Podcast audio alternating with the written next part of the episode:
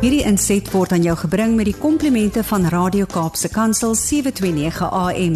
Besoek ons gerus by www.cape pulpit.co.za. Goeiemôre liewe luisteraars en baie baie welkom by nog 'n insetsel van Geestesgesondheid net hier op Radio Kansel en Radio Kaapse Kansel.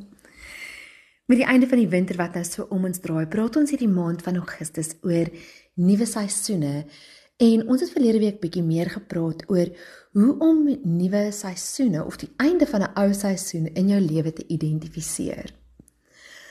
Nou, vandag gaan ek met julle praat en bietjie meer deel oor hoe jy kan voorberei vir nuwe seisoene in jou lewe. Dit is nie vir elke persoon presies dieselfde proses nie en ek wil julle met baie baie mooi hoor vandag dat jy hier uit gaan moet neem wat jy nodig het om hier uit te neem, maar net ook dat dit wel belangrik is om voor te berei vir nuwe seisoene omdat dit dikwels wanneer 'n mens in daardie spasie inbeweeg of in daardie seisoen inbeweeg, geweldig oorweldigend kan wees as die regte voorbereiding nie getref is nie. 'n een Eenvoudige voorbeeld is die volgende.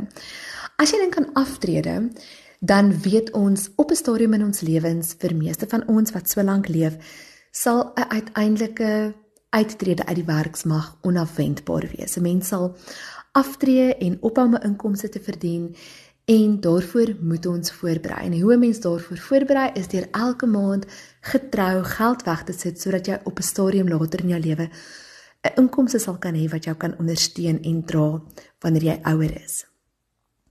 Nou dit is een van die mees algemene maniere hoe ons voorberei vir 'n nuwe seisoen. Maar dan is daar natuurlik ook seisoene wat nie so goed gedefinieer is soos 'n werkende lewe en 'n aftrede nie.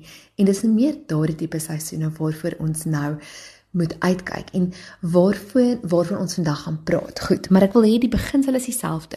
Jy weet 'n nuwe seisoen is op pad en jy moet op 'n manier fisies, emosioneel en psigies moet jy voorbereiding tref vir 'n nuwe seisoen. Nou het ons verlede week gepraat oor hoe lyk dit wanneer 'n seisoen klaar maak en hoe weet jy in jou lewe wanneer 'n spesifieke seisoen in jou lewe begin verander? Die tekens is duidelik. Die blare verander, iets dra nie meer lewe soos altyd nie. Jy begin frustreerd voel. Jy weet dat 'n area in jou lewe nie meer vir jou groei het nie. Dit's amper soos die doringboompie of die vyeboom waaronder ehm um, Jesus is Jesaja gesit het en en toe dit opgedroog het, is dit asof die Here vir hom gesê het, nou is jou beskutting in hierdie area en hierdie seisoen van jou lewe op en nou het jy nodig om uit te tree en te gaan waar ek jou lei. Hoe berei ons as gelowiges onsself daarvoor voor? Eerstens is dit goed om te weet wat vir jou voorlê in die nuwe seisoen. Nou wil ek weer eens 'n Bybelse analogie gebruik hiervoor, maar toe die Here die Israeliete in die beloofde land wou inlei, het hy 12 bespieders, hy het die opdrag gegee om 12 bespieders of spioene te stuur in die land en, en te gaan kyk wat die land opbied. En die bespieders het teruggekom met drie baie belangrike dele van inligting. Hulle het gekyk na wat was die land se uitdagings? Wat was die belofte van God oor daardie land? En wat was die land se geskenke? En dan berei ons daarvolgens voor. Nou, in die geval van die Israeliete, het die land se uitdagings hulle so afgesit dat hulle toe nou nooit die nuwe seisoen, wel daardie generasie in elk geval, het nooit die beloofde land betree nie, want hulle was so afgesit deur die uitdagings waarop hulle gefokus het. Maar die spioene het teruggekom met 'n belofte ook. En hulle het teruggekom met die geskenke van die land, dit wat goed was aan Kanaan op daardie stadium. Dit moet ons ook doen. Ons moet krities kyk na dit wat vir ons voorlê. Natuurlik is daar uitdagings in elke nuwe seisoen inherënt. En as jy oop oor daarin ingaan en jy kan oop oop kyk na die nuwe seisoen en sê, "Goed, vir hierdie nuwe seisoen is dit en dit en dit die volgende uitdagings wat ek gaan hê." Kan jy voorbereiding tref daarvoor? Kan jy sê, "Goed, ek gaan in hierdie nuwe seisoen kom ons sê byvoorbeeld as jy trek na 'n nuwe huis toe en jy kyk na die huis en jy sien goed hierdie huis het werk nodig dan weet jy jy moet voorbereiding tref vir die koste van herstelwerk of jy moet die vaardighede aanleer wat nodig is om die huis te herstel Dit is wat ek bedoel met voorberei vir 'n nuwe seisoen. Kyk na wat daar is, wat jy kan sien wat moontlike uitdagings kan wees en berei voor vir dit wat jy kan. Dan kyk jy ook na wat sê God oor die belofte van 'n nuwe seisoen? Wat sê God oor daar waar jy jouself nou gaan vind? Wat is sy belofte oor jou lewe? En skryf dit neer en anker dit in jou hart vas. Dit is bemoediging. As jy jouself kan bemoedig vir die nuwe seisoen en sê ek glo God het my hierin geroep, ek weet hierdie is wat dit is, dan maak dit daardie oorgangsfase 'n bietjie makliker. En derdens om te kyk na die geskenke wat dit daar kan wees. Met ander woorde, wat is inherënt goed aan die nuwe seisoen of die plek wat die Here vir jou wil gee? Byvoorbeeld, die huis het wonderlike fondasiestruktuur of die huis het genoeg kamers vir jou hele gesin of die huis het 'n pragtige kombuis. Alhoewel daar werk is, kan jy nog steeds opgewonde wees omdat die uitdagings nie groter is as die beloftes en as die die die goeie goed, die geskenke wat daar in daardie spasie vir jou kan wees nie. Nou luister ons, nie elke seisoen in ons lewe is so goed gedefinieer soos aftrede of die trek van 'n huis nie.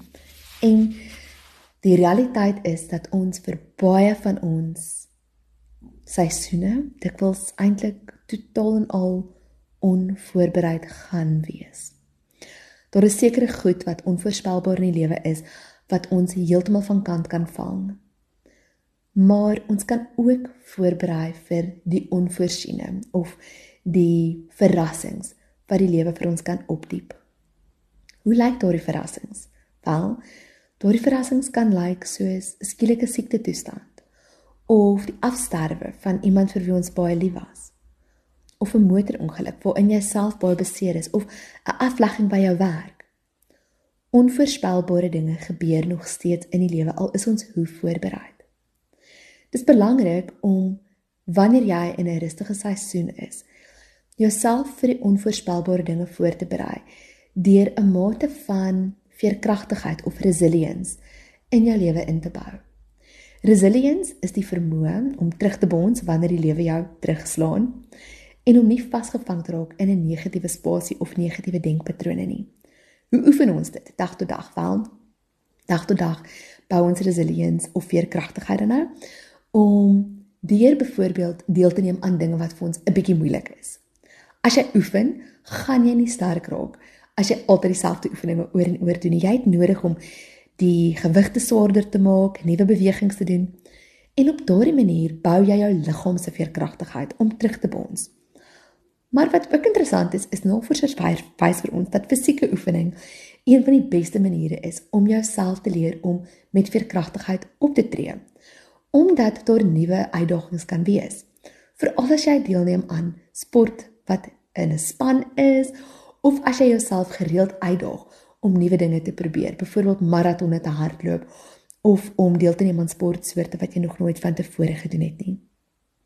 Veerkragtigheid ontwikkel ook as ons onsself toelaat om nuwe vaardighede aan te leer, byvoorbeeld nuwe resepte te kook of dinge wat jy altyd vir jouself as jy nie kan doen nie, te oefen en te bemeester, om kuns te doen of 'n musiekinstrument aan te leer Elkeen van hierdie nuwe uitdagings is 'n manier hoe ons veerkragtigheid bou.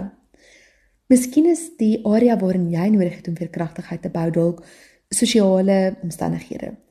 Om betrokke te raak by 'n plek wat jy nooit van tevore gedink het jy kan betrokke raak nie.